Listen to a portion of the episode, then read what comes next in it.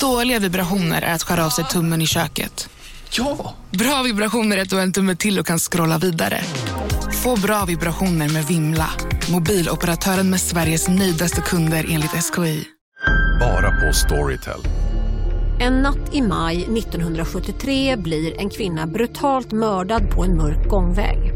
Lyssna på första delen i min nya ljudserie. Hennes sista steg av mig, Denise Rubberg. Inspirerad av verkliga händelser. Bara på Storytel.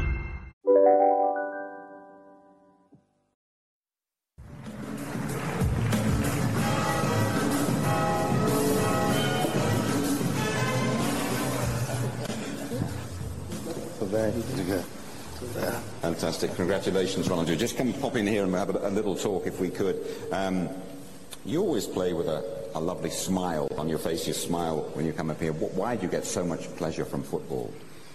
Bueno, estoy siempre sonriendo porque tengo la, la, la felicidad de hacer la cosa que más amo en mi vida, que es jugar al fútbol. Entonces no hay otra manera de, de no jugar contento y sonriendo. He's saying he's got a happy disposition. He always smiles when he does the thing that he loves uh, best uh, in the world, and playing football Men hela den här fantastiska matchen och allt, hela hösten här, det, det mynnar ju ut i att han äntligen får priset. Ja, men alltså, den här matchen, den här perioden, den här säsongen, det är ju peak Ronaldinho. Ja. Det här är kulmen för allt. Och antingen sätter du höjdpunkten just på klassikomatchen eller så väljer du att sätta den några veckor senare när han vinner både Fifa World Player of the Year för andra gången i rad och Ballon d'Or för då första gången. För nu fanns det ju ingen diskussion. Nej. Hur man än mätte, hur man än värderade, hur man än resonerade så var Ronaldinho både bäst och mest sevärd. Och den gamla brasselegendaren Tostao som fortfarande var en viktig auktoritet i diskussionen och som hade mandat att göra historiska jämförelser.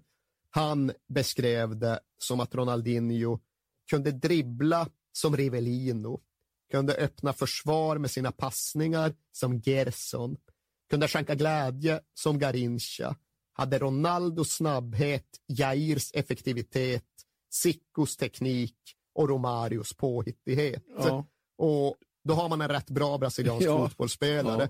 Då har man en fotbollsspelare som egentligen då enbart kan jämföras med den enda som Tostao utelämnade, Pelé. Ja. Och det var dit han var på väg. Det var snart den enda jämförelse som brasilianarna själva hade kvar. Ja, för, eh, kom att tänka på det nu. Han är bara 25 vid den här, vid den här tiden. Ja, det bästa återstod. Han borde ha sju år framför sig där det liksom bara nästan blir bättre. Och han hade ju framförallt då en vår, en sommar, ett 2006 som skulle ta det här upp ytterligare en nivå. För visst, han var redan världsmästare, men då hade han varit en spelare bland andra i ett förhållandevis ordinärt brasilianskt mästarlag. 2006, då skulle han vara den självklart lysande stjärnan i ett brasilianskt mästarlag som skulle visa sig vara tidernas bästa landslag. Och visst, redan 2005 hade han ju vunnit den spanska ligan, men nu skulle han ta täten då FC Barcelona återerövrade Champions League för första gången på 14 år. Och hur går det då? Ja, det här sistnämnda går ju alldeles förträffligt. För Barcelona gör just det som folk hoppas på. De vinner ligan igen och så kompletterar de med att bli Europamästare. De har ju en svit här då jag tror de vinner 18 raka matcher och 24 fighter obesegrade.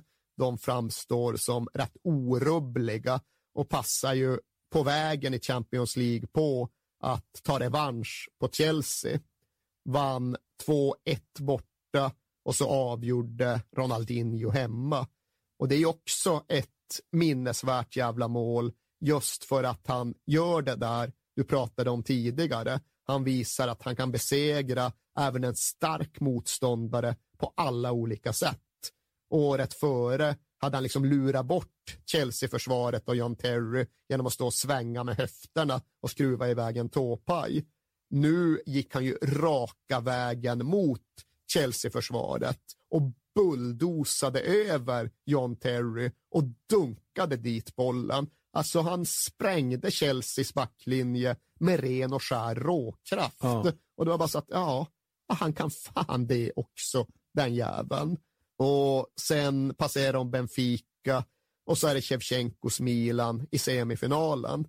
Och då är det ju inte någon egen dribbling eller något lurigt skott eller en kraftaktion som blir utslagsgivande, utan då är det ju spelblicken och den öppnande passningen till Ludovic J som avgör matchen. Då är det framspelaren Ronaldinho som briljerar och det verkar överhuvudtaget inte existera något sätt att stänga ner honom, att hålla honom tyst, att anonymisera honom i en stor och viktig match. Men i någon mån är det väl det som sen händer i själva Champions League-finalen. För det blir ju en märklig och sönderryckt match där Arsenal får en spelare utvisad tidigt, där de ändå går upp i ledningen och sen försvarar sig furiöst resten av matchen. Och Barcelona vänder ju och Barcelona vinner ju, men Ronaldinhos bidrag är rätt marginellt. Och det har väl inte minst kommit att förevigas med den intervju som Thierry Henry gav som förlorade efter slutsignalen. När han liksom ska förklara vad som hände och varför det vände så har han någon utläggning om att ja, men alla pratar om Ronaldinho, det är allt folk har snackat om, men jag såg inte Ronaldinho. I didn't see Ronaldinho, I saw Henry Klasen. Ja. För att Henke kom in och tillförde den dimension som Barcelona dittills hade saknat. Ska vi för alltid vara jävligt stolta över som svenskar. Alltså, jag är för alltid för evigt tacksam gentemot Henrik Larsson för den där insatsen.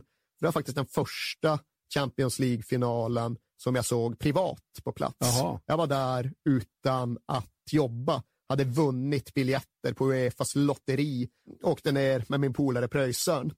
Och eh, att den upplevelsen skulle sluta med att Arsenal blev Europamästare efter ett mål av Sol Campbell.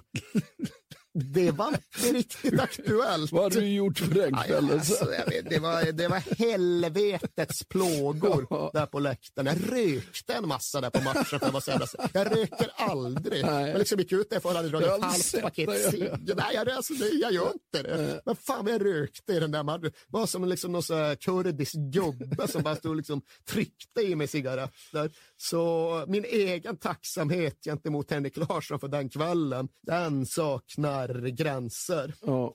Men vill man och använder man just sig av historiens ljus, då kan man ju se det här som ja, men någon ganska tidig men ändå rätt tydlig varningsklocka. Vad fan, det var ändå en Champions League-final som Ronaldinho bara lät passera förbi. Och den diskussionen och den analysen försvann ju rätt mycket från att Barcelona ändå vann och det är klart att han var partits mittpunkt efteråt även den här gången.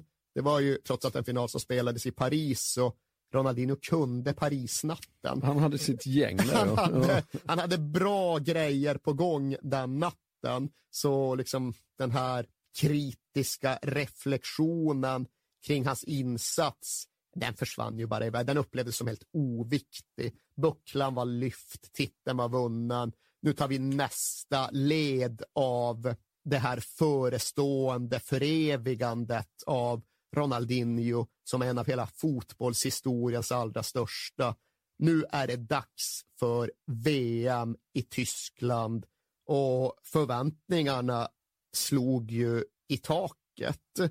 Det var ju inte av en anledning utan av dussintals olika anledningar där den främsta ändå var Ronaldinho och hans position. Liksom en regerande världsmästare, regerande Champions League-mästare, utsedd till världens bästa spelare två år i rad, vunnit den spanska ligan två år i rad, världens mest berömda, högst betalda och mest marknadsmässiga fotbollsspelare. Skulle han nu leda laget till ett nytt VM-guld, ja, då skulle i alla fall hans meritlista kunna jämföras med Diego Maradonas. Och då skulle de där parallellerna till Pelé verka ofrånkomliga snarare än vanvettiga. Och det var ju den individuella dimensionen, den vi fokuserar på nu. Men sen fanns ju också ja, men den kollektiva dimensionen. För så som brassarna själva uppfattade förutsättningarna in i detta VM så fanns ju bara två alternativ. Antingen blev de älskade, gnistrande färgsättarna av en turnering likt det brasilianska laget hade varit 1982. Eller så blev de allt det plus även världsmästare som det brasilianska laget hade blivit 1970. I deras egna ögon så finns det ju bara två landslag i världshistorien ja. och det är Brasilien 70 och det är Brasilien 82. Ungefär lika bra, men det ena laget lyckades med bisaken att vinna och det andra nådde inte riktigt ända fram. Men de hade stjärnorna och karisman och underhållningsvärdet som gjorde dem eviga. Och det skulle ju detta lag också göra. Det fanns liksom inget annat alternativ. Hade sin Quartetto Magico där längst fram med Ronaldinho, Kaká som skulle vinna Ballon d'Or året efter ja. och Adriano och Robinho och Ronaldo, så där fanns ju Juninho Pernambucano kvar ja. och det var så många jävla alternativ så det var bara frågan om hur de skulle pussla ihop allting och jag sveptes ju i alla fall delvis med av det där för jag sålde ju återigen in att det var dags för mig att verkligen suga in samband. Jag ägnade ju inte mitt VM 2006 åt att följa det svenska landslaget, utan jag följde det brasilianska, ja. både inför och under turneringen. Och det innebar att när jag kom med min koffert för att inleda VM-månaderna, ja, då hamnade jag i platsen som Mark Twain kallat för paradiset. Jag kom till schweiziska Veggis, för schweiziska Veggis hade valts ut bland 800 olika städer som ansökt om att härbärgera det brasilianska förlägret. Och schweiziska Veggis hade valts ut eftersom att schweiziska Kentaro styrde någon typ av marknadsrättigheter för det brasilianska landslaget. Och det gick ju att begripa att Mark Twain kallade denna plats för paradiset för naturskönt är det ta mig fan där vid Vierwaldstätter See. I Veggis? Jajamensan. Nej, liten ja. schweizisk, ja. jag ska inte säga bergsby, men det ligger liksom på någon form av sluttning ner mot det vi i Sverige kallar för Luzernsjön. Ja. Ja, det är spaigt som satan. Det känns som att dit åker man nog för att hitta balansen, friden i tillvaron. Oh. Men det hade ju hänt en del med intrycket när väl den brasilianska invasionen var genomförd. För de smällde upp en stor jävla stadsfest i den här lilla byn. De bokstavligen de på att utrymma grisar och kor när jag kom dit. Jag ihåg. Ja, liksom de... Det var massa jävla caipirinha-stånd och sådana skit. Ja, det var som en stadsfest ja. liksom, med så partygata fram mot ja. träningsanläggningen och så är liksom inhyrda schweizare som fick klä ut sig till brassar för att spela dåliga trummor. Ja, det var ganska vedervärdigt, ja, det, det, var det faktiskt. Hade liksom dragit upp en sån här Kristus-staty i något fake-material på något av dessa Sound of Music-berg. Det, var... det är så roligt. Nej, det var också bedrövligt. jo, men i sin bedrövlighet. Jag vet inte hur många som egentligen kanske bor i Veggis, inte vet jag om det är ett par tusen kanske. De bussar in 20 000 dit varje dag. Ja. Vad stort som en hel halv Roskilde-festival. Liksom. Ja. Och sen träningen, det var inte snack om stängda träningar direkt och brassarna skulle gnugga fasta, Nej. utan de sålde ju 5 000 biljetter till varje dags träning, fullt varenda dag, Ja. tio dagar i sträck. Och det var någon gång jag kollade och så, jag tror jag skrev en artikel om det, en dag de bara skulle ha fysträning. Och det var inte världens mest intensiva fysträning, men det var ändå liksom springa, hoppa, rulla på grejer. Ja, då gick svarta börsplåtarna för 700 spänn. Och det är inte världens högsta pris, Nej. men ändå liksom kolla fysträning för sju, va, alltså, Bara vad, titta på dem. Ja, Ja. vad fan är detta liksom?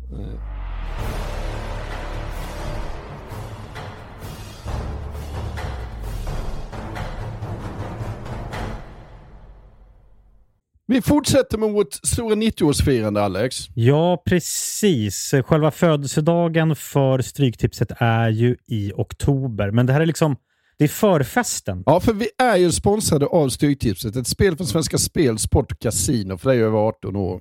Vi är ju det och eh, har du problem med ditt spelande så finns stödlinjen.se där för dig. Och jag eh, funderade lite så här, undrar hur många som har haft 13 rätt genom de här 90 åren. Som har eh, förtjänat den här respekttröjan. Liksom. Vi firar ju på vårt speciella sätt med våra kära lyssnare som ja, älskar Stryktipset och har skickat in historier till oss om eh, hur Stryktipset har påverkat dem i 90 minuten. Och fortsätt gärna skicka in de fina historierna till kings at perfectdaymedia.se. Har vi någon historia idag? Ja, det har vi. Och den kommer från Thomas. Den är kort Mm. koncis. Mm. Den går så här. Jag vill tro att detta är 2010. Arsenal spelar otrolig fotboll och ska bara städa av Sunderland och leder med 1-0 på stopptid. Mm. Jag har 12 rätt med häng på 13. Jag minns som sagt inte vilket år det är, men målskytten glömmer jag aldrig. Darren fucking Bent. Han bombar in ett rätt och 12 blir 11 som sen blir 10 rätt. Styrtipset är verkligen otroligt och otroligt grymt ibland. Tack för en fin podd. Om jag inte har helt fel så har Darren Bent även en historia i Tottenham, va? Det har han, verkligen. Ja. Men det går Så- vi inte in på nu. Nej, men det var ju ändå fint att Darren Bent sänker Arsenal för Sunderland. Ja, det får man ändå säga. Men vi säger stort tack till Thomas och vi säger stort tack till våra vänner på Stryktipset. Vi är sponsrade av Ikano Bank och Ikano Bank är ju banken för allt som rör hus, hem och ekonomin däromkring. Och de har ju också en tagline som är Sveriges hemkäraste bank. Är inte det exakt det man är ute efter när man söker efter en bank? En bank med tydliga, bra bolån, privatlån, sparande med schyssta villkor, konkurrenskraftiga räntor, Håkan. Det är väl det enda man bryr sig om i dessa dagar. Ja, och så vidare. Så är det faktiskt. Ja. Ja. Och de har ju faktiskt rätt att kalla sig Sveriges hemkäraste bank därför att Ikano Bank startades av grundaren till Ikea. Precis. Om inte det är hemkärt så kan man verkligen fråga sig vad hemkärt det är. Ikano Bank har precis släppt en större rapport som heter Tre dimensioner av rikare boende. Mhm. Där man undersökt och presenterat statistik kring vad svenskarna värdesätter med sitt boende. Och deras första undersökning visar ju någonting ganska häpnadsväckande. Eller hur? Det gör ju det. Kan du, kan du berätta? Ja, den visar ju att trots det höga ränteläget så har mindre än hälften av svenskarna vidtagit någon form av åtgärder det senaste året för att förbättra sin boendeekonomi. Ja, det låter ju inte så bra kanske. Nej, det gör du verkligen inte. För att undersökningen genomfördes i augusti och det är bara 45% som har gjort det. Och av dessa har endast 16% av bostadsägarna förhandlat om lägre ränta. Mhm. Mm. Många verkar ju ha en uppfattning om att det är jobbigt och krångligt att byta bank, vilket det inte är. Fler borde kolla upp om du kan spara pengar genom att byta bank. Därför uppmanar vi er att ta kontakt med Ikano Bank eller gå in på ikanobank.se för att se om du faktiskt kan få en bättre ränta. Vilket är en no-brainer med tanke på hur ränteläget ser ut, eller hur? Verkligen, så är det ju. Vi säger stort tack till Ikano Bank.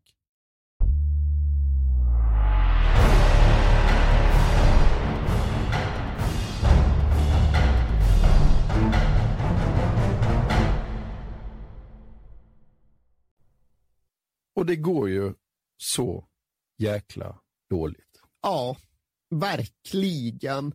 Även om man inledningsvis valde att inte riktigt tro på det för att det inte fick lov att vara på det sättet. Men premiären mot Kroatien är ju någonstans en upprepning av premiären mot Turkiet fyra år tidigare, minus fuskandet och filmandet. För Brasilien höll inte på så mycket med det, de var bara dåliga och långsamma och trögrörliga. Och de hade ju sin Quartetto Magico med Ronaldinho, Kaká, Adriano och Ronaldo. Ja. Men det var ju bara orörligt och klumpigt. Och kroaterna var ju bra och hade en plan och spelade med intensitet, så Kroatien klart bättre. Sen är det ju för sig så att Kaká är bra. Ja. Kaká är så bra som vi förväntar oss att han ska vara och han tar ett initiativ och skruvar upp en boll i krysset och avgör matchen på så sätt. Men det var fan ingen gyllene insats överhuvudtaget. Men genom hela den här turneringen så jag såg det väl sen ut på ganska exakt det sättet. Och de vann sina matcher mot allt svagare motstånd och på så sätt kunde man ändå inbilla sig att allt var förmodligen okej okay ändå. När det väl behövs Ja. då kommer de vrida upp Ja. och de liksom växer ju in i turneringen. Så gör ju alltid storlagen. Ska inte vara på topp i gruppspelet utan det är i de sista matcherna som de kommer maxa sig. Men de möter, vad fan är det, det är Australien och Japan Ja. i de två återstående gruppspelsmatcherna. Och de vinner, men det är absolut inte bra. Och det är jättetydligt för blotta ögat att ja, men det är för att det är ett för ålderstiget, orörligt och temposvagt lag. Ja. Ronaldo, han hade, väl, han hade väl några medicinska problem som påverkade hans vikt. Det är i alla fall det som har sagts i efterhand, men han var ju en bra bit över 100 kilo. Alltså, han, ja, han var gordo på riktigt. Är inte 100 kilo. Ja, ja, ja, ja, ja. Jo, jo, jo, jo, jo. Han spelade inte VM och vägde 100 Japp, kilo. att han gjorde. Nej, det kan inte stämma. Nu har jag inte dubbelkollat det här i skulle säga realtid. 85. Nej, nej, alltså jag har inte dubbelkollat det i realtid, men jag minns det starkt som att när det väl offentliggjordes vad Ronaldos faktiska medicinska situation hade varit under VM, så var det i alla fall en vikt som vid turneringens påbörjande snuddade vid 100. Nu ska jag inte säga liksom med säkerhet att han vägde 102 i den premiär, men lätt 96-97 kilo. Ja det, ja, det är helt jävla otroligt. men minst- Man kunde springa. Ja, liksom. det, det kunde han ju knappt. Nej. Han var oerhört orolig. Och, ja, det ska som sagt ha varit någon medicinsk åkomma Ja. som ledde till den här Ja, viktökningen. Ja. Så man, man får egentligen inte lov att skratta. Jo, för man det, då. det, Vi ska göra avsnitt om Ronaldo framöver där vi beskriver hans storhet också. Vi ska inte göra oss lustiga åt hans fysiska storlek enbart. Men han var inte i perfekt skick VM 2006. Och i den här spelmodellen som brassarna använde sig av så var det jätteviktigt med deras zagueiros, alltså det vi idag kallar wingbacks ja. ja, de skulle ju själva kunna täcka en hel kant både offensivt och defensivt. Och det hade de ju kunnat. Roberto Carlos och Cafu. Ja. Men det var alltså de här grabbarna som skulle ha spelat med Assis för 20 år sedan. Ja. Alltså folk som hade kommit upp i åldern. Cafu var 36 vid det här laget. Och även om han var ett superproffs. Roberto Carlos var 33 men var väl på ett sätt inte ett superproffs på samma Nej. sätt. Det var ganska gamla 33. Och på samma sätt så var ju även Adriano och faktiskt Ronaldinho gamla spelare. Ja. Inte ifall man tittade på deras ålder, när de var födda, hur långa karriärer de hade haft, men när man följde deras kurvor. Ja. Och när det kom till Adriano hade vi väl redan tvingats börja förstå det. När det kom till Ronaldinho så ville vi ju inte tro det. För det här var ju ändå en ganska färsk förändring att nedgången hade börjat. 26 ja. Men det var tydligt redan i VM. Och okej, Brasilien vinner åttondelen mot Ghana med 3-0. Och det framstår ju som rätt imponerade siffror. Ghana, fan ändå starkt lag. Och ja. fan Ronaldo går ju mål. Blir tidernas bästa målskytt. Ja. Rycket han drog iväg där när han liksom passerade målvakten och petade in den. Ja jävlar. Men det här är ju en VM-match som det verkligen har bedrivits ett utredningsarbete runt. Och det finns ju grävande journalister där ute som tycker sig ha faktabelägg för att påstå att den här matchen var uppgjord, att ghaneserna sålde Jaha. den. Och det vet jag, alltså jag tror inget åt vare sig det ena eller det andra hållet. Men de var fan inte bra Ghana. Nej. De var ovanligt lättpenetrerade. Det kunde man bara konstatera. Så okej, okay, nu har de ändå tagit sig till VM-kvart och de har ju nästan inte släppt in ett mål och de gör ändå tre på Ghana utan att förta sig.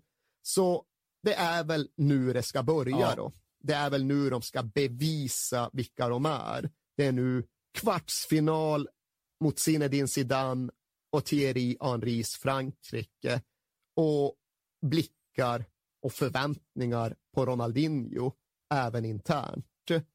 Brassarna hade en andra tränare som hette Mario Zagallo. Ja. Urgammal. Ja. Han var kanske 70, framstod som 110.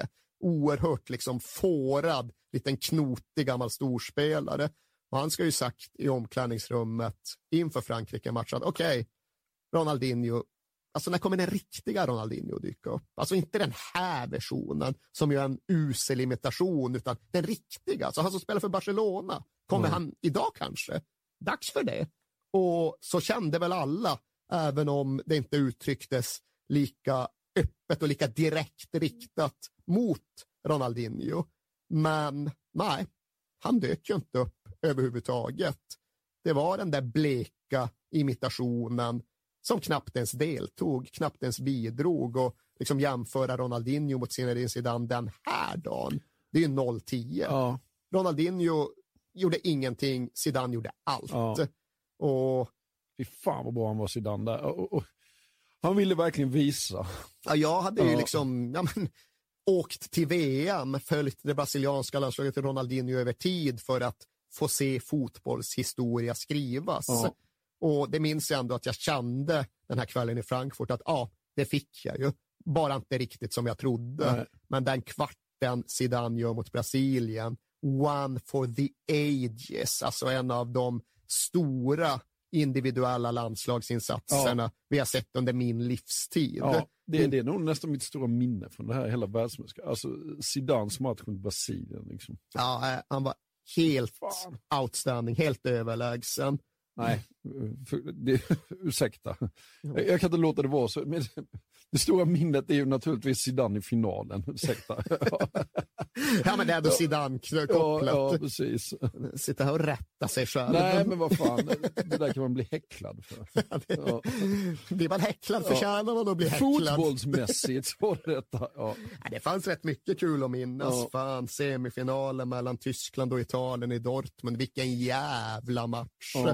Och mycket därtill. Det var mitt första VM på plats och det, ja, det, var historiskt för mig. Ja. Jag brukar alltid säga det att just fan VM-finalen 2006 kanske höjdpunkten på ett journalistiskt liv för då nådde man ändå dit. Kom inte så nära en VM-final som spelare, men fick i alla fall jobba med skiten. Ja, och du fick se Zidane göra det ja, nej, det, var ju, ja. ja det, det, var också värt något. Ja, det, det var värt att minnas i alla fall, även om du hade glömt bort det. Men för brassar ja, fanns det bokstavligt talat inget att minnas. Nej. De hade vunnit några matcher, men det var inget som hade varit bra. Det var inget som hade varit kul. Och Ronaldinho, han fick upp en assist på hela VM. Han spelade, ja, det är en bra pass, han slår en bra passning fram till den vikarierande vänsterbacksreserven Gilberto som dunkade dit 3-1 mot Japan. Men ja, det var Ronaldinhos bidrag. Vet du, för att den vart vikarierande vänsterbacken Gilberto hamnade något år senare. Var Gilberto i Arsenal? Det är Gilberto Silva, en ja. duktig, användbar, mångsidig innermittfältare. Det här är då en ganska usel vänsterbacksreserv. Nej, det vet jag inte. Mighty Tottenham Ja, Hotspur. det, jag Så bra minns du honom? Ja. Nej, Hans avtryck var obefintligt Ja. i Spurs. På samma sätt som Ronaldinhos avtryck var obefintligt i VM 2006. Ja. Alltså han skulle bli turneringens kung. Han skulle vara Maradona 86. Och han gör ingenting. Han har knappt ett avslut på mål Nej. på hela VM. Ingenting. Och han får ju ett läge i typ 88 minuten av kvarten mot Frankrike. Det är underläge, men det är fortfarande ett mål. Så, ja, men kanske ändå, det, det måste ju hända någonting. Det, så här kan det inte, de måste ju rädda det här. Om man bara skruvar in frisparken, ja men då tar det väl fart. Då Ja. lyfter de i förlängningen och sen går de inte att stoppa. Men det är ju alldeles nära. Men Den frisparken. Ja, det är Ja. ingenting. Nej. Och på både personlig och kollektiv nivå är ju detta en av de stora VM-flopparna. Ja. Visst, man kan säga att det var värre fyra år tidigare när de regerande världsmästarna från Frankrike förlorade premiären mot Senegal och åkte ur. Men jag tycker att det här är minst lika tungt som fall betraktat. Sett till hur förväntningsnivån var. Och jag tycker inte att förväntningarna var obefogade sett till namnen, Nej. sett till meriterna. Sen var det ju ett feltänk från oss alla att det liksom inte vägde in hur många spelare som var långt förbi sitt fysiska krön. Nej. Och ja, Ronaldinho 100 kilo, äh, Ronaldo 100 kilo, det, Ja. ja. det visste jag inte att han vägde. Innan jag såg honom, då förstod jag. Ja. Men, ja, men naturligtvis landsorg i Brasilien. Det måste vara jävla ilsk också. Jo, jo, vrede, Ja. ilska, sorg, allting, alla negativa känslor du kan hitta. Och du vet säkert att i vårt kära Chapecó så brände de ju ner en sju och en halv meter hög staty av Ronaldinho. Tydligen gjord i typ kolfiber och papier-maché. Så Ja. det var inte liksom den mest robusta statyn. Nej. Men den hade ändå stått där i Chapecó i typ två år eller Ja. någonting. Och nu fick den inte stå kvar längre. För folk var så besvikna och så förbannade. Och det stod i kontrast till en spelargrupp som däremot inte tyckte bry sig så särskilt mycket. Nej. Vad var det första Ronaldinho gjorde efter VM? Han tog med sig Adriano hem till Castell de Fels utanför Barcelona och drog iväg ett så här tre, dagar, tre dygns party. Ja. Och ja, det hade han väl all rätt att göra på ett sätt. Men det landade inte så där jättebra Nej. där hemma på ett annat sätt.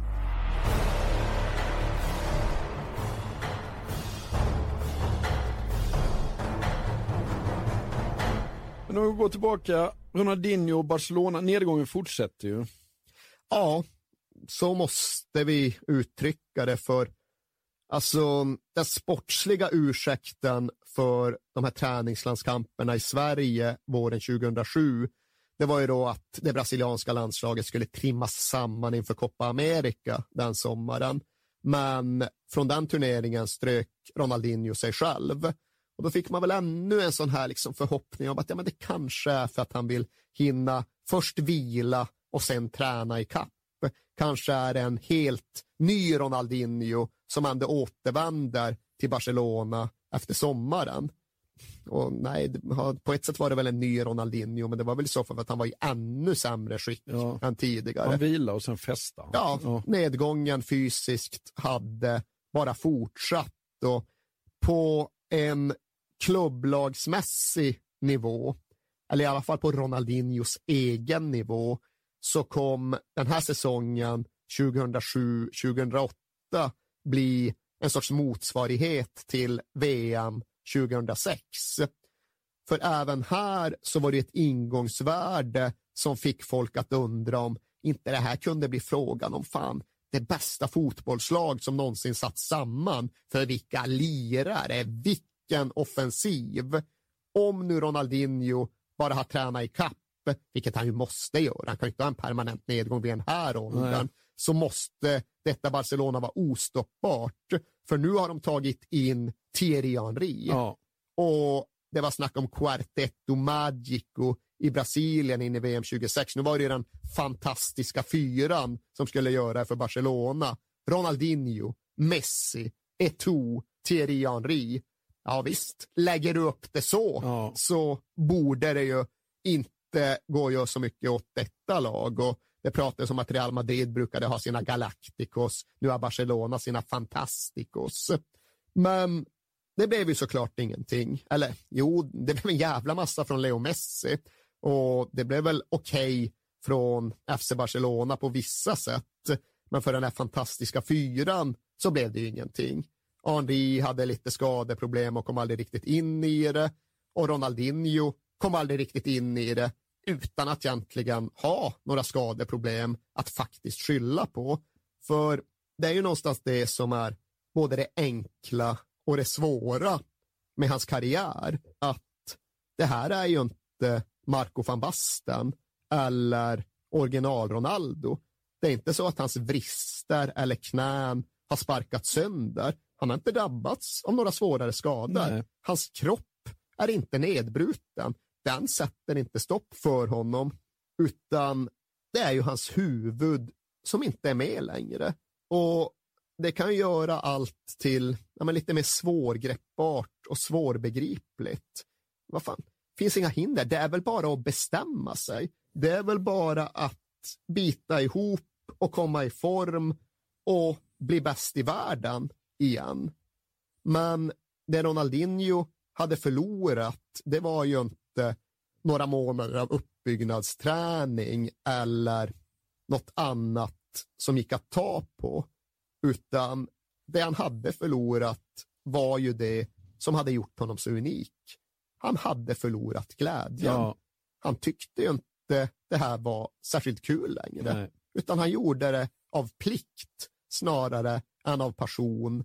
Och precis, alltså, det var just det som var grejen hela tiden, att vad särskilde Ronaldinho från andra när han var som bäst? Ja, men glädjen. Ja. Okej, okay, men köper man det, då måste man ju acceptera att när då glädjen försvinner så försvinner hans prestationsförmåga. Då blir han bara en i mängden. Ja. En tekniskt skicklig och spelklok och kreativ spelare, men med alldeles för svag fysik för att kunna kompensera över tid med sin begåvning. Och det blev ju också allt mer tydligt att ja, men Ronaldinho behövde sin glädje och gick i de riktningar där han kunde hitta sin glädje. Och det var ju vid poolen eller på stränderna eller vid trummorna eller på nattklubben. Det var inte runt fotbollsplanen. Och egentligen, ja men vem fan är man att döma?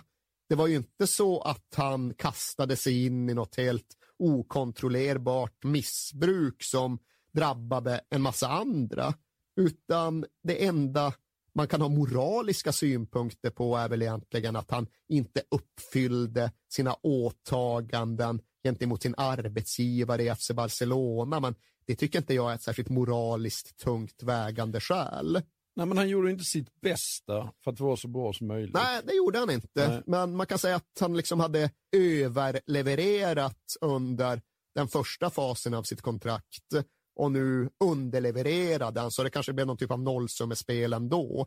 Jag tror inte direkt att FC Barcelona gick ekonomiskt back Nej, över tid på att ha haft tillgång till Ronaldinho.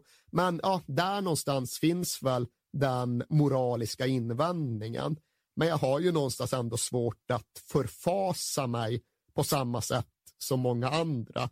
För det förfasades sannoliken den här hösten när Ronaldinho inte kom tillbaks till Barcelona på samma tid som det var sagt efter en landslagssamling. Och det visade sig att det berodde på att han hade hängt kvar så jävla länge på någon typ av dygnet runt öppen nattklubb att alla flyg hade gått. Alltså han kom dit på kvällen, sen var han kvar till typ 11 på morgonen och åkte därifrån i bakluckan på någon bil för att undvika upptäckt. Och det är klart att det inte är professionellt. Inte så. Det är det inte, men Nej. blir man så jävla indignerad och förbannad, i alla fall så här långt efteråt, det är klart att det är oproffsigt, det är det ju, men jag tycker inte att det är något stort moraliskt brott. Han behövde känna sig fri, han behövde känna sig glad, det uppnådde han inte genom fotboll, utan det uppnådde han genom att hänga på en nattklubb till klockan 11. Och sen var han i det arbetet tillräckligt målmedveten och driven för att till och med stoppa in sig själv i en bagagelucka när han skulle därifrån. Det tycker han ska beröm för? Liksom. Han gjorde det han kände att han behövde göra. Han kanske inte ska beröm för det, men jag kan ändå känna förståelse Ja. för det. Men det jag sen såklart kan acceptera att det problematiseras runt, det är ju inflytandet på andra. Det är hur ett omklädningsrum, hur en arbetsmiljö påverkas och vad det kan innebära för enskilda och mer eller mindre lättledda individer. För någonstans var ju fortfarande Ronaldinho med sin karisma och sin historia en ledarfigur inom Ja. Barcelona. Och det fanns väl två olika kraftfält där Ronaldinho och Decos gäng var det ena och där katalanska med Puyol och Xavi var det andra. Och så fanns det liksom Eto'o som var någon vildsint frifräsare mitt i allt. Och så fanns det ju vissa då som skulle behöva välja väg framåt. Och det är klart att det är ju här som FC Barcelona verkligen har anledning att bekymra sig. För vad ska det bli av Leo Messi?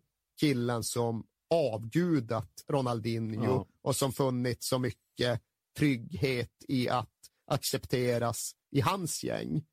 Ska vi bara tillåta honom att flyta iväg i den riktningen eller ska vi göra en förändring för att knuffa honom mot Puyol och Xavi och Iniesta och det förhållningssättet till en fotbollskarriär.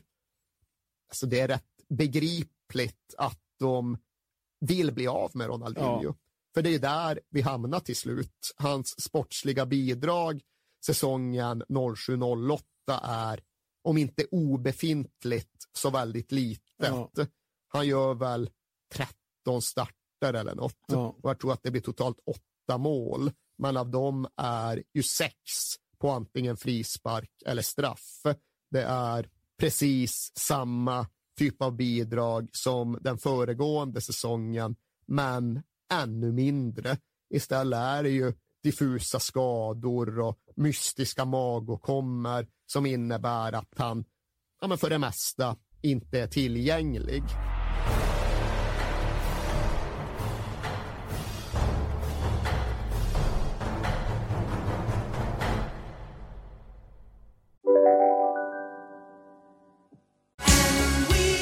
Just nu till alla hemmafixare som gillar Julas låga priser. En 90 liters skottkärra i galvaniserad plåt för glänsande Jula klubbpriset 399 kronor. Inget kan stoppa dig nu. Ni har väl inte missat att alla takeaway förpackningar ni slänger på rätt ställe ger fina deals i McDonalds app. Även om skräpet kommer från andra snabbmatsrestauranger. Exempelvis... Åh, sorry. Kom, kom åt något här. Exempelvis... Förlåt, det är något skit här. Andra snabbmatsrestauranger som... Vi, vi provar en talning till. La, la, la, la, la. La, la, la, la. Om en yogamatta är på väg till dig, som gör att du för första gången hittar ditt inre lugn och gör dig befordrad på jobbet men du tackar nej för du drivs inte längre av prestation. Då finns det flera smarta sätt att beställa hem din yogamatta på. Som till våra paketboxar till exempel. Hälsningar Postnord. Men det var dags och läge att lämna Barcelona. Och en annan storklubb kallar det ju. Ja, för i Barcelona kom ju Pep Guardiola och de kunde prata med varandra och liksom Pep kunde nog få Ronaldinho att känna att det skulle kunna finnas en framtid om han bara, men det var ju aldrig aktuellt. Nej. Och Guardiola visste ju exakt vad han gjorde och av vilka anledningar och han kunde klubben utan och innan och han visste precis hur det var i A-lagets omklädningsrum efter sin tid med B-laget. Så för honom var det ju självklart att skicka Ronaldinho just för att skydda Messi och för att den fotboll han företrädde ja, krävde ett helt annat Ja. engagemang från samtliga inblandade. Så Ronaldinho skulle alltid lämna sommaren 2008 Frågan var ju bara vart han skulle ta vägen. Och svaret på den frågan, det gavs egentligen enbart av rika maktmän som av olika anledningar ville plocka PR-poäng. För den ena stora intressenten, det var ju Man City. Ja.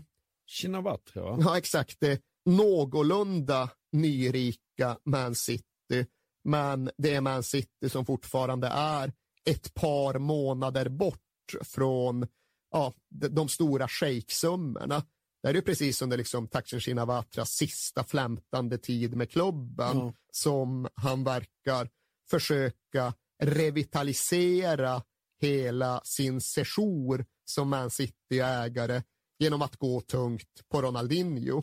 Och det var väl inget han egentligen tyckte var uteslutet för hej, beggars can't be choosers. Det fanns inte så jävla mycket där ute.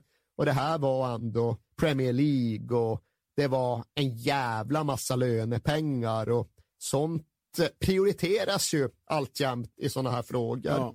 Och kanske hade det blivit Manchester City om inte då den andra frontlöparen hade utkristalliserat sig. Och när den väl gjorde det så lockade den ju mycket mer. Ja. För Berlusconi var en bättre pamp än Shinawatra. Ja. Och Milan var ett bättre lag än Man City. Och Milano var en bättre stad än vad Ronaldinho uppfattade Manchester Ja, som. ja. Så det här var väl inget att diskutera. Första säsongen ändå nästan godkänd va? Ja, men det får vi ändå säga. Får vi ändå säga. Ja, men det skulle bli två, en och en halv till. Ja, och den andra säsongen blir väl egentligen den bästa. Lite paradoxalt nog, för han får ju olika tränare under var och en av de här säsongerna. Första året är det Ancelotti och tredje året är det Max Allegri. Och den här mellansäsongen, mittensäsongen, så är det ju oväntat nog Leonardo som får kliva in och bli huvudtränare för Milan. Ja. Han har haft ett märkligt fotbollsliv, Leonardo, som har innehållit mycket och som innebar att han var bekant med Ronaldinho sedan lång tid. Och i någon mån kanske även medförde att han släppte tyglarna för Ronaldinho. För Ja, nattklubbarna började väl locka här rätt Ja, rejält? Ancelotti hade ändå lyckats hålla honom i någorlunda strikta förmaningar, men Leonardo tyckte det var helt okej att Ronaldinho levde ett brasilianskt liv. Och ifall man tycker att det finns en paradox i att spelet som är född nästan blev bättre, ifall man tycker att det finns någon typ av motsägelse i det här beteendet, så förstärks nog det av hur liksom Berlusconi pratade in i säsongen. För Berlusconi, han hade någonstans svalt att sälja Kaká eftersom att han också accepterade att ja, men både Kaká och Ronaldinho, ja, det kanske blir lite för mycket. Och Kaká var ju mycket närmare sin peak än vad Ronaldinho var. Ja. Han hade vunnit Ballon d'Or 2007 och hans kurva hade inte pekat neråt lika drastiskt. Så det rimliga hade väl varit att släppa Ronaldinho. Ja. Men Berlusconi älskade ju helhetspaketet Ronaldinho. Ja. Han älskade strålkastarljuset som det gav och han var övertygad om att Ronaldinho återigen skulle bevisa att han inte bara var världens utan tidernas bästa. Och han kom till Milanello, höll sitt sedvanliga tal inför säsongen och då var det lite just så här att ja, men nu har vi valt att sälja Kaká och lägga ansvaret på dig Ronaldinho så nu får du motsvara det här ansvaret. Och det är väl kanske då en uppgift som går att möta på olika sätt. Ronaldinho, han valde att ge sig raka vägen ut i Milano natten för det var någon festival med latinamerikansk det, musik ja. som pågick i typ en vecka och han var ju där typ en vecka i sträck Ja. och till slut ska det ju vara en grupp Milan-ultras som ja, men mer eller mindre konfronterar honom och säger fan, du får gå hem och lägga dig för vi ska spela, vi ska spela liga nu. Och Ronaldinho tyckte väl inte att det var ett tankesätt som han riktigt förstod sig på. Man Nej. pallrade väl sig, an, pallrade sig väl ändå hem vad det led. Men som vanligt sen en ganska trög säsongsinledning för Ronaldinho. Leonardo valde en typ av 4-3-3-modell in i säsongen och tanken var att Ronaldinho och Pato skulle ligga typ bakom Borriello eller sen bakom Huntelaar, men så jävla mycket till fullträff blev väl inte den tanken. Och gränsen mellan en Ronaldinho frisläppt med förtroende en otyglad Ronaldinho utom kontroll var väl ganska luddig under Leonardo och han fick kanske själv känslan av att han behövde skärpa till den. För när det hade krupit fram att Ronaldinho var ute på någon klubb till 02.30 dygnet innan Milan skulle möta Zürich i Champions League, ja, då tyckte ändå till och med Leonardo att var nu är gränsen än går så är den passerad. Ja. Så då bänkade han Ronaldinho och bötfällde Ronaldinho som konsekvens. Och de förlorade ju den matchen mot Zürich hemma i Champions League och det är fan inget bra resultat. En svensk spelade för Zürich, vem var det? Det vet jag inte. De, hade, de mötte Zürich för andra säsongen i rad, hade mött dem i Uefa-cupen året före.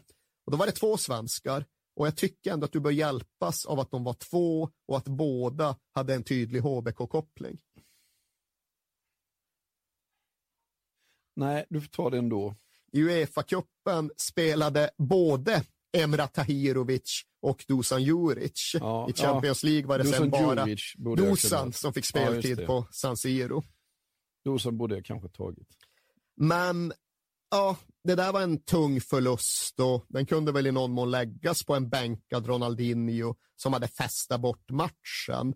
Men säsongen fick inte en ny riktning i och med det för Ronaldinho, utan den fortsatte snarare åt samma håll i ökad hastighet. Jaha, nu var han bänkad och bötfälld, men är jag tillbaks i nästa match mot Atalanta. Då var han plötsligt ganska dominant och gjorde ett sent mål och sen raka vägen därifrån med något privatplan till Paris för att festa vidare.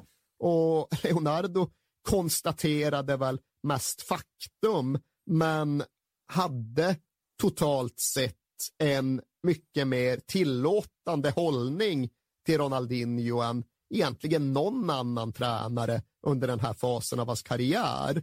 Och grejen, den bakvända grejen är ju att han någonstans belönades för det med prestationer. Det var inte så att Ronaldinho blev sämre när han då drog iväg till Paris och la två dygn på att festa, utan han kom tillbaks och var bättre. Ja. Och här finns det ju något lite svårgreppbart och det är svårt att skriva manual utifrån detta. Ja.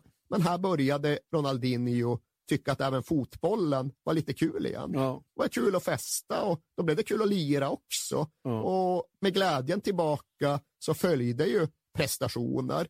Och det är klart att det är en, det är en snårig stig att ge sig ner för. Jo. Det är liksom inte lätt att se vad som är en återvändsgränd och vad som leder framåt. Men här följer väl den bästa perioden i Ronaldinhos Milan-karriär. Kanske den bästa period som Ronaldinho hade efter VM 2006. För under något knappt halvår här kring så uträttar han ju mycket. Han är med och vinner med Milan mot Real Madrid i Champions League på Bernabeu och han gör mål mot Real Madrid i Champions League i returen. Och sen är vi inne på det nya året, januari 2010. Och då gör han först ett mål mot Genoa. Sen trumfar han det med två mot Juventus borta och sen följer han upp det med ett hattrick hemma mot Siena.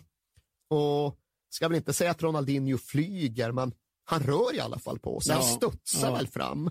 Och eh, de går ju vidare ur sin Champions League-grupp och ställs sedan mot Man United i åttondelsfinalen.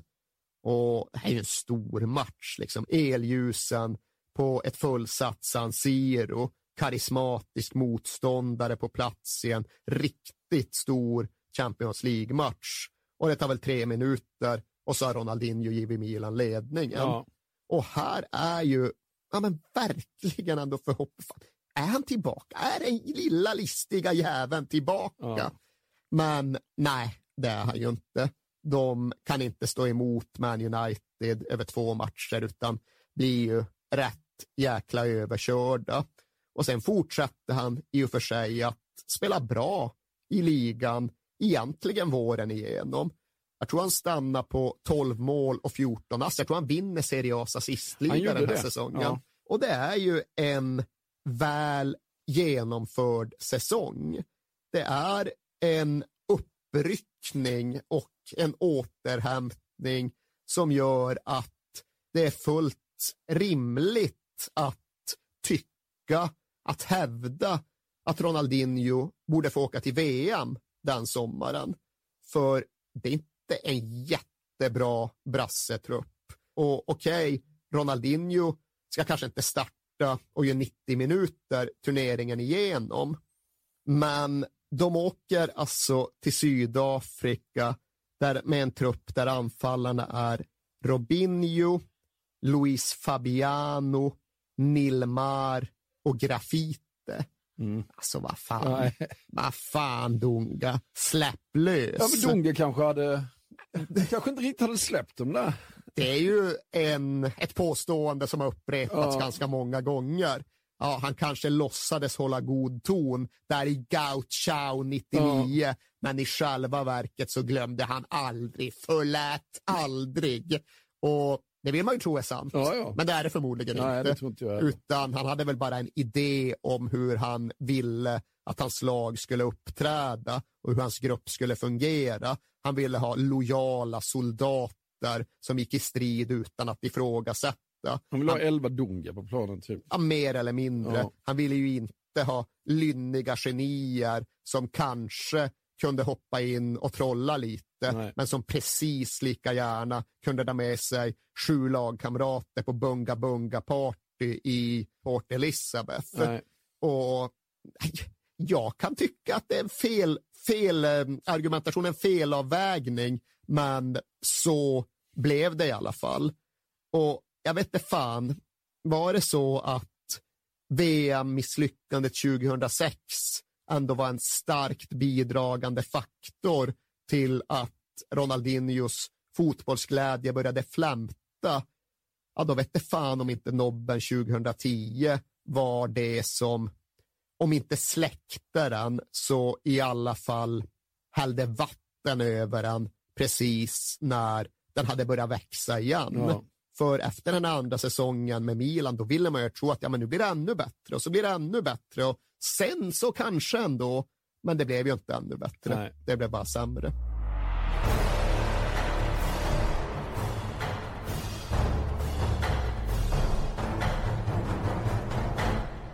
Ja, för nu har Allegri tagit över och Allegri är ju inte Leonardo.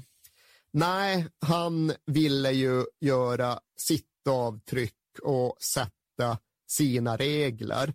Och han fick ju också en annorlunda spelartrupp med en annan hierarki och maktdynamik att hantera. För säsongen 2010-2011, den inleds ju med en grej som är rätt stor för Ronaldinho personligen. Milan ska ju åka och spela Gamper Trophy och Gamper Trophy vet vi ju att det är Barcelonas stora försäsongsmässa. Ja. Specialinbjuder ett lag och sen så lanserar de och presenterar de sin säsong utifrån det. Och här är det klart att det var uppumpat att Ronaldinho skulle återvända. De älskar honom fortfarande på Camp Nou. Det var inte så att han lämnade i bad standing Nej, nej, nej. på något sätt. Så det var ju storbildsskärmarna där som liksom skulle pumpa hans största stunder inför avspark och han skulle få vara ute och springa ärevarv och FC Barcelonas lag, de skulle få vänta i hemomklädningsrummet medan allt det här pågick. Ja. Och där stod de och så väntade de och när fan det är dags för oss att gå ut och så öppnas plötsligt dörren och så kommer Ronaldinho in. Och det är inte så att han ska morsa på sina gamla polare i första hand, utan det han gör då det är att han ropar till Zlatan Ibrahimovic. Ibra! Ja, har du packat dina väskor? Jag kommer hit för att ta med dig till Milano. för det här är ju när Zlatan och Guardiolas relation har brutit ihop och Zlatan också ska lämna. Ja. Och han ska ju till Milan. Ja. Han kommer till Milan och Ronaldinho tar i någon mån med honom dit för på väg ut för att spela den här Gamper-matchen. Ja, men då är det liksom Ronaldinho och Zlatan som flamsar sig fram genom spelartunneln. Men när sen Zlatan landar i Milano och återvänder till Serie A, ja, då har ju han flamsat slut medan Ronaldinho gärna vill spexa vidare.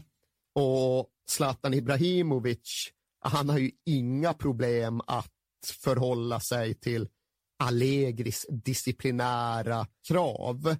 Det känns som Zlatan är hans motsats nästan.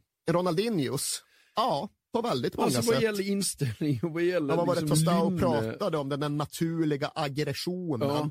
Det finns ju hos den ena men inte Ja, hos den och det andra. här nattklubbsliv och inte så oseriöst och... nej, Ja. Potentiellt sett så borde de ju kunna förstå varandra fantastiskt väl ute på planen.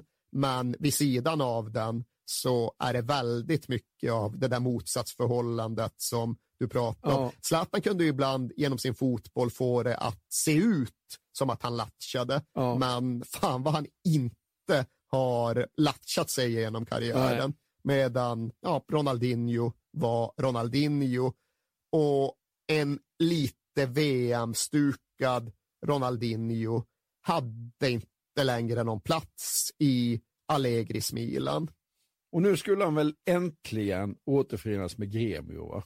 Nej, det var ju en tro, men fortfarande sårigt. Alltså inte sårigt på något olösligt sätt, men komplicerat, minerat. Och när då Gremio utmanades av Flamengo så var det Rio-klubben som vann dragkampen. För alltså Flamengo, det är Brasiliens största klubb. Ja. Det är Sydamerikas största klubb, säger jag utan att riktigt veta hur jag ska motivera det gentemot Boca Juniors och River Plate. Ja. Men det är en bjässe och det är en bjässe som håller till i Rio. Ja. Det är nära till allt vad den staden kan erbjuda. Och det är inte minst en karneval som närmar sig snabbt. Ja, han kommer dit i januari och februari börjar karnevalen i Rio. Det är ingen bra kombination. Va? Ja, det var ju ett argument. Det var ju ett argument. Ja. Och det var ju ett stort jävla spektakel när han skrev på. Alltså det var inte som när Romario återvände 95, men det var ändå en jättegrej att de nu hade en tia i samma arvslängd som Sicko.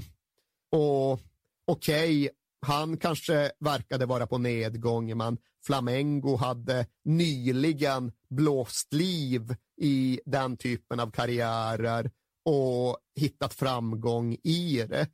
De hade vunnit brassetiteln 2009 med den 37-åriga serbiske playmakern Petkovic som la fram bollar till en någorlunda rehabiliterad Adriano. Och de vann en titel direkt efter att Ronaldinho hade kommit. De tog ju hem Cariocan, Ja. alltså delstatsmästerskapet, men det var inte för att de hade imponerat. Det var för att de vann lite på straffar mot de stora, tunga huvudkonkurrenterna. Och Ronaldinho, jag ska knappt ens säga att han blandade och gav. Han var inte alls så bidragande som han borde varit. Och precis som du har antytt, hans absolut mest fokuserade prestation den här våren, ja men den kom ju på karnevalen. Ja. Jävlar vad han gick in för den. Och han hade ju ändå liksom, hur gärna han hade velat så hade han ju inte riktigt kunnat åka hem till karnevalerna under det här årtiondet. De är i februari och han är redan hemma på vinteruppehållet december, januari. Han kan inte dra igen i februari. Nej. det måste man vara Neymar för att skylla på liksom en syrras födelsedag eller någonting. Ja. Men han hade inte kommit iväg och nu var han på plats. Han måste varit som en laddad kanon där i februari. tror det smattrades på några trummor. liksom bara ekade i skallen på alla som kom i närheten av honom.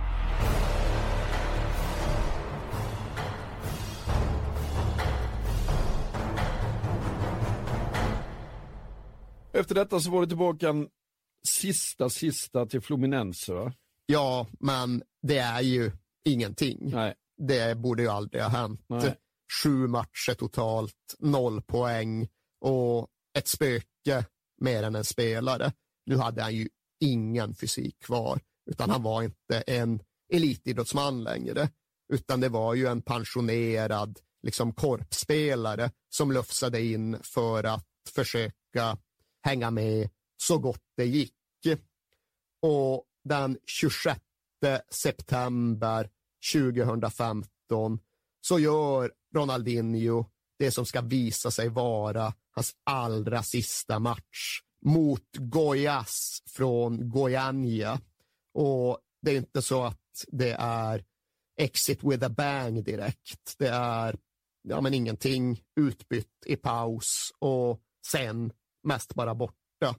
Sen går det några dagar och så kommuniceras det att kontraktet är brutet och sen dyker Ronaldinho upp typ en vecka senare eftersom att han då hade kraschat sin bil. Och det är speciellt med den kraschen för det här är Ronaldinho som kör ner bilen i diket. Det är Ja. inte vem som helst. Så när folk strömmar till och ser att okej, det är ingen som har dött här, det är ingen allvarlig skada. Hej, det är Ronaldinho! Ja. Då är det ju bara liksom fram med kamerorna, det är selfies och det är den prylen. Och Ronaldinho ställer ju upp, Ja. men han ser faktiskt inte glad ut. Nej. Alltså, han är som alltid, alltid, alltid ler, i alla fall på samtliga bilder, står ju där och begripligen ser rätt moloken ut. Ja, det är väl mycket begärt att han ska göra liksom surftecknet ner dit. Nej, det är sjukt liksom. att han går med på att bilden blir Ja, tagen, ja. men den blir ju någonstans symbolisk. Här är fotbollsspelaren som inte längre är fotbollsspelare. Här är glädjespridaren som inte längre sprider någon glädje. Ja. Ja, visst, okej, han har kraschat med bilen, men ändå, Ja. ändå. Ja. Nej, så att fotbollskarriären är ju till slut till ända. Och hur har livet utan fotboll varit? Ja, först så visste vi ju inte om det var ett liv utan fotboll, för han la ju aldrig av. Det kom i alla fall aldrig det beskedet att nu är det slut, nu blir det stor avtackning och avskedsmatch, utan det hette ju att han skulle köra igen. Och han var ju iväg och gjorde någon märklig kortstuds i Goa, Indien och spelade futsal där i liksom en halvtimme eller något. Ja, annars har det ju varit förtvivlat svårt att hitta ja, men en linje som verkar vara på väg någonstans till en plats där Ronaldinho kan må bra. För det har varit en miljard olika grejer, men egentligen allt har ju fått den att känna bara, ja, men, varför det? Och det är på olika sätt. Det är framförallt liksom kommersiella åtaganden och en miljard olika reklamjobb, men där det en gång var så att ja, men Ronaldinho kunde bottna i att prata om sin kärlek till ett par fotbollsskor, så bottnar han ju nu inte i någonting. För det är liksom kryptovalutor han ska lansera, olika startups, eh, mobilspel och för den delen ska högerpolitik. Han blev inlurad i hela Bolsonaro-svängen och skulle företräda det. Och, Nej, men han är, allting utan fotbollsskor är så jävla dumt som man syns i liksom. och alltså, mycket av charmen i Ronaldinhos fotbollskarriär låg ju i att han någonstans vägrade att, eller i alla fall kom undan med att inte införliva sig i industrin och dess regler och för den delen några tränartvångströjor. Utan han ställde inte upp på reglerna som gällde i den stora stygga vuxenvärlden. Han förblev på många sätt ett litet barn som kickade på samma sätt och på samma premisser som han hade gjort hemma på gården. Och egentligen är det ju otroligt att det funkade så länge som det gjorde Ja. inom fotbollen. Men utanför fotbollen är det klart att det inte funkade överhuvudtaget. Nu gick det liksom inte att vara den där tanklösa grabben som bara gjorde grejer utan att reflektera över vart det tog honom. Och här kan man ju tycka att ja, men vad fan, han hade ju en hel stab, han hade ju en rådgivare ur den egna familjen och den här storebrorsan Aziz, han borde väl ha kunnat styra upp allt det här. Men nej, det kunde han ju tydligen Nej. inte, utan tvärtom så ledde Aziz sin lillebror fel, för det var inte så att Ronaldinho styrde upp alla reklamavtalen med alla kryptovalutor, utan det kom ju någonstans ifrån och det passerade ju i alla fall Aziz. Ja, jag måste bara säga en rolig grej med honom. Är ju, när han spelar i Atletico Mineiro och han har här skitstort sponsoravtal med Coca-Cola. Och då fångar man på bilden när han sitter och dricker Pepsi. det är så jävla typiskt honom. Jag och då tänkte väl inte på det. Han bryter hela avtalet och bara lägger ner det. Men en annan grej Erik, det är ju att han har ju festat väldigt mycket, ute väldigt mycket, men han har ju aldrig varit sån här missbrukare. Det, det, det är ju aldrig sån här nedgången och det, det känns inte som han har hållit på med droger eller någonting sådär. Det, det är ju ingen Maradona liksom. Nej, det är ingen Adriano det är heller. ingen destruktiv eh, person på det viset. Nej, jag hoppas att du har rätt i det. Och är det så, så tror jag väl ändå att mycket av förklaringen bara ligger i hans personlighet och hans karaktär och hans medfödda förmåga att välja glädjen. Jag tror att han klarar av att göra det även när det är molnigt ute och segt att behöva företräda någon konstig kryptovaluta. Ja, vad fan, det är väl inget att göra, men man får väl bita ihop och göra det. Sen får man Ja. spela bongotrumma Ja. för sen är det in lite pengar i alla fall. Och han verkar inte ha lockats just av den destruktiva delen av nattlivet och precis som du säger, drogerna och kriminaliteten som riskerar att följa och de destruktiva cirklarna. Men har det uppstått ett problem så tycks det ju då ha kretsat kring pengar. Ja. Och det är klart att den problematiken kan ju ta en till ställen där man egentligen inte borde vara. Men det här är ju då en period på ett par, tre år som bara pågår och där det hela tiden ändå sägs att ja, men det här är fotbollsspelaren Ronaldinho som gör den här reklamen. Fotbollsspelaren Ronaldinho som snart ska göra en ny comeback. Och det är klart att när det har gått ett år så är det ju ingen som längre tror på det. Men när nu han, när nu de befinner sig i den här fasen av livet, ja, men varför gör de inte en grej av det då istället? Varför drar de inte ihop en stor jävla avskedsmatch och om det nu är så att de har satt sprätt på alla sina pengar så tror jag alla skulle förlåta dem ifall de liksom tog intäkterna själva. Ja.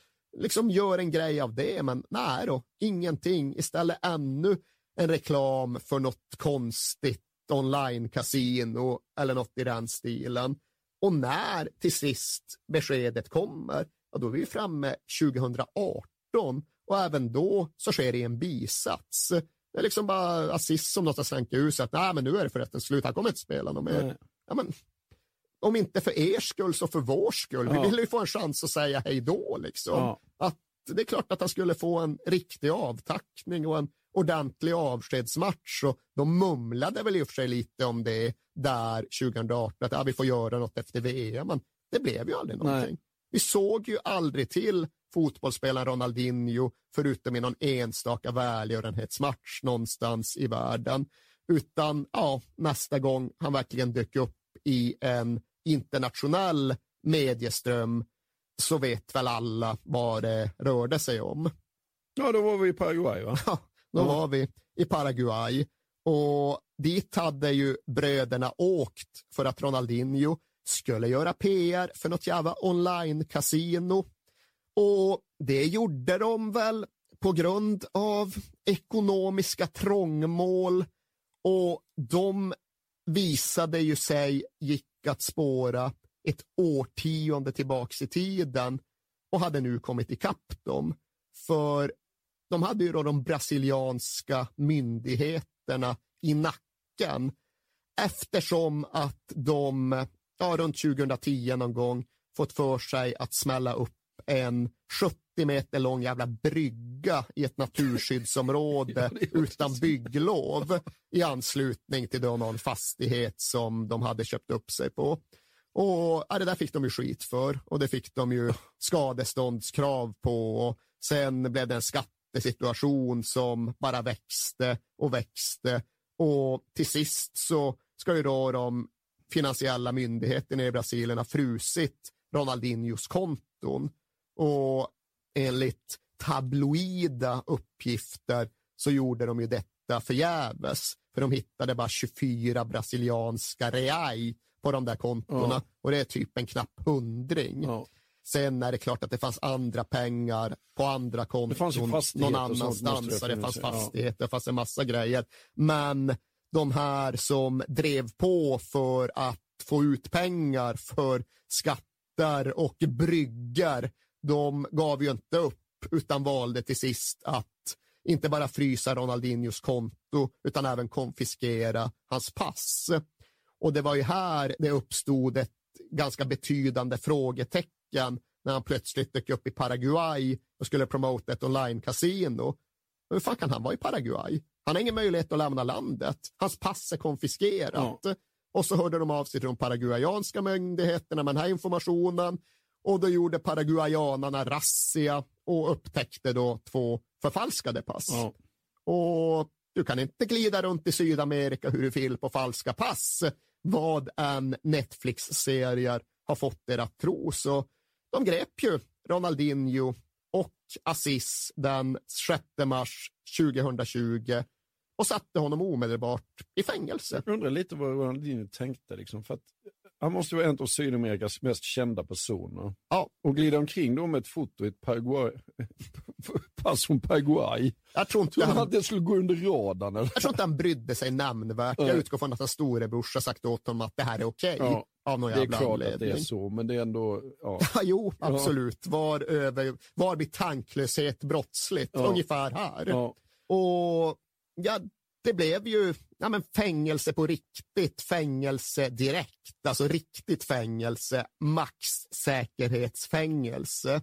Och ja, ni har ju också hört de här anekdoterna där inifrån om hur han spelade five-a-side med Ja, det fångvaktare. verkar, det verkar inte som han var ledsen grill. där heller direkt. Nej, visst, det var alltså, kul liksom. 40-årsfest i ett paraguayanskt fängelse, ja, men fan vi får väl fixa gödgris och tända upp grillen Ja. liksom. Och det verkar ju ändå ha fått mandat att göra så. Ja. Även om det nu var maxsäkerhet så verkar det inte vara som de här colombianska drogfängelserna Nej. man har hört talas om. Men en dryg månad där inne och sen lyckades han visserligen fixa fram typ 15 miljoner svenska för att pröjsa borgen. Men interneringstiden var ju inte över för det. Han fick flytta från fängelset till husarrest på fyrstjärniga Palmaroga. Och det låter väl kanske glassigt, men det blir nog rätt deppigt att sitta där månad efter månad. Ja. För så blev det ju. Han Ja. blev dömd till ett halvår i fängelse och fick, så vitt jag förstår det, avtjänare där på hotellet. Ja, plus att det var ju ingen som bodde på hotellet. För det, Nej, det var pandemi, pandemin. Ja. Men däremot så fick han en stor sal och en fotboll. fick spela fotboll i Så- så balsalen han och fick utnyttja gymmet. Ja. Ja. nej, han överlevde säkert det där. Ja, därefter tycks ju Ronaldinho ha tagit vid ungefär där han blev avbruten inför fängelsevistelsen. Det är ju alltjämt kommersiella overdrive och tusen olika samarbeten med tusen sjaskiga partners.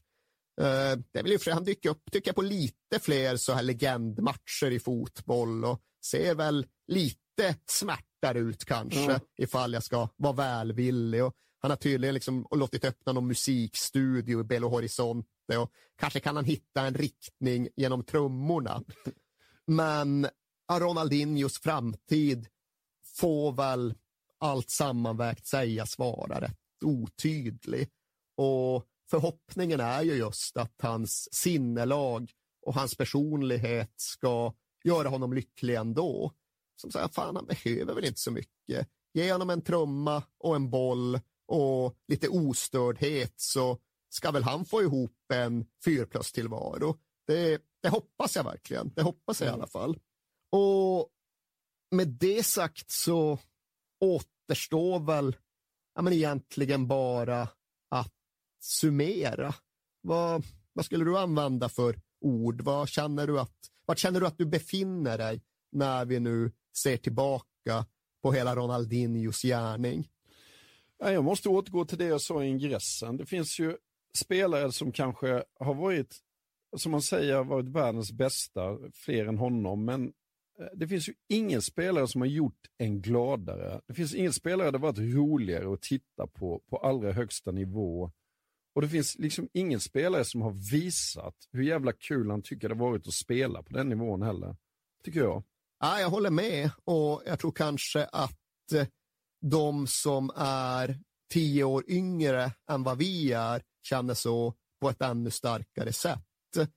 Och det är klart att när man funderar över vad det hade kunnat bli så kan man kanske tycka att, så kan man kanske önska sig ännu mer.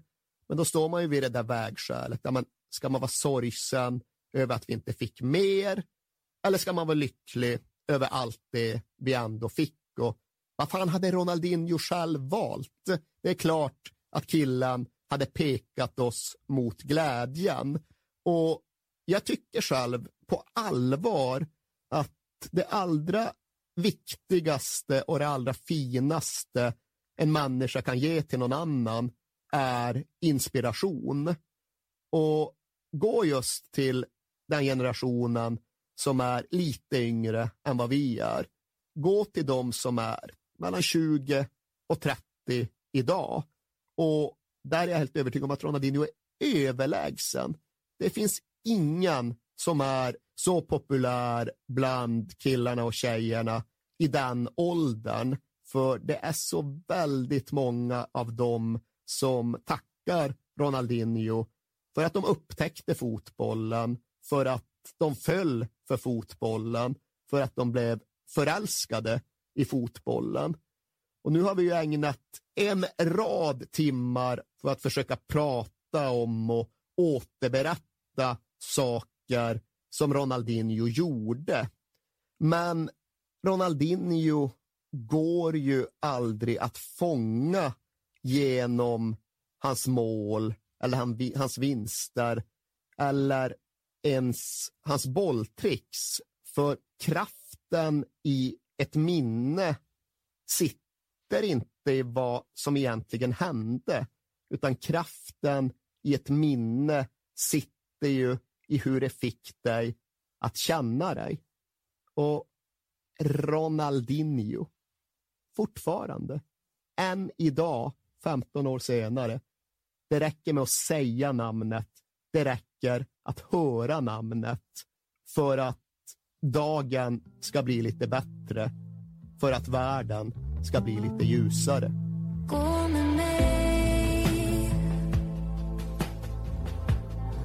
Bakom skuggor ser du solen.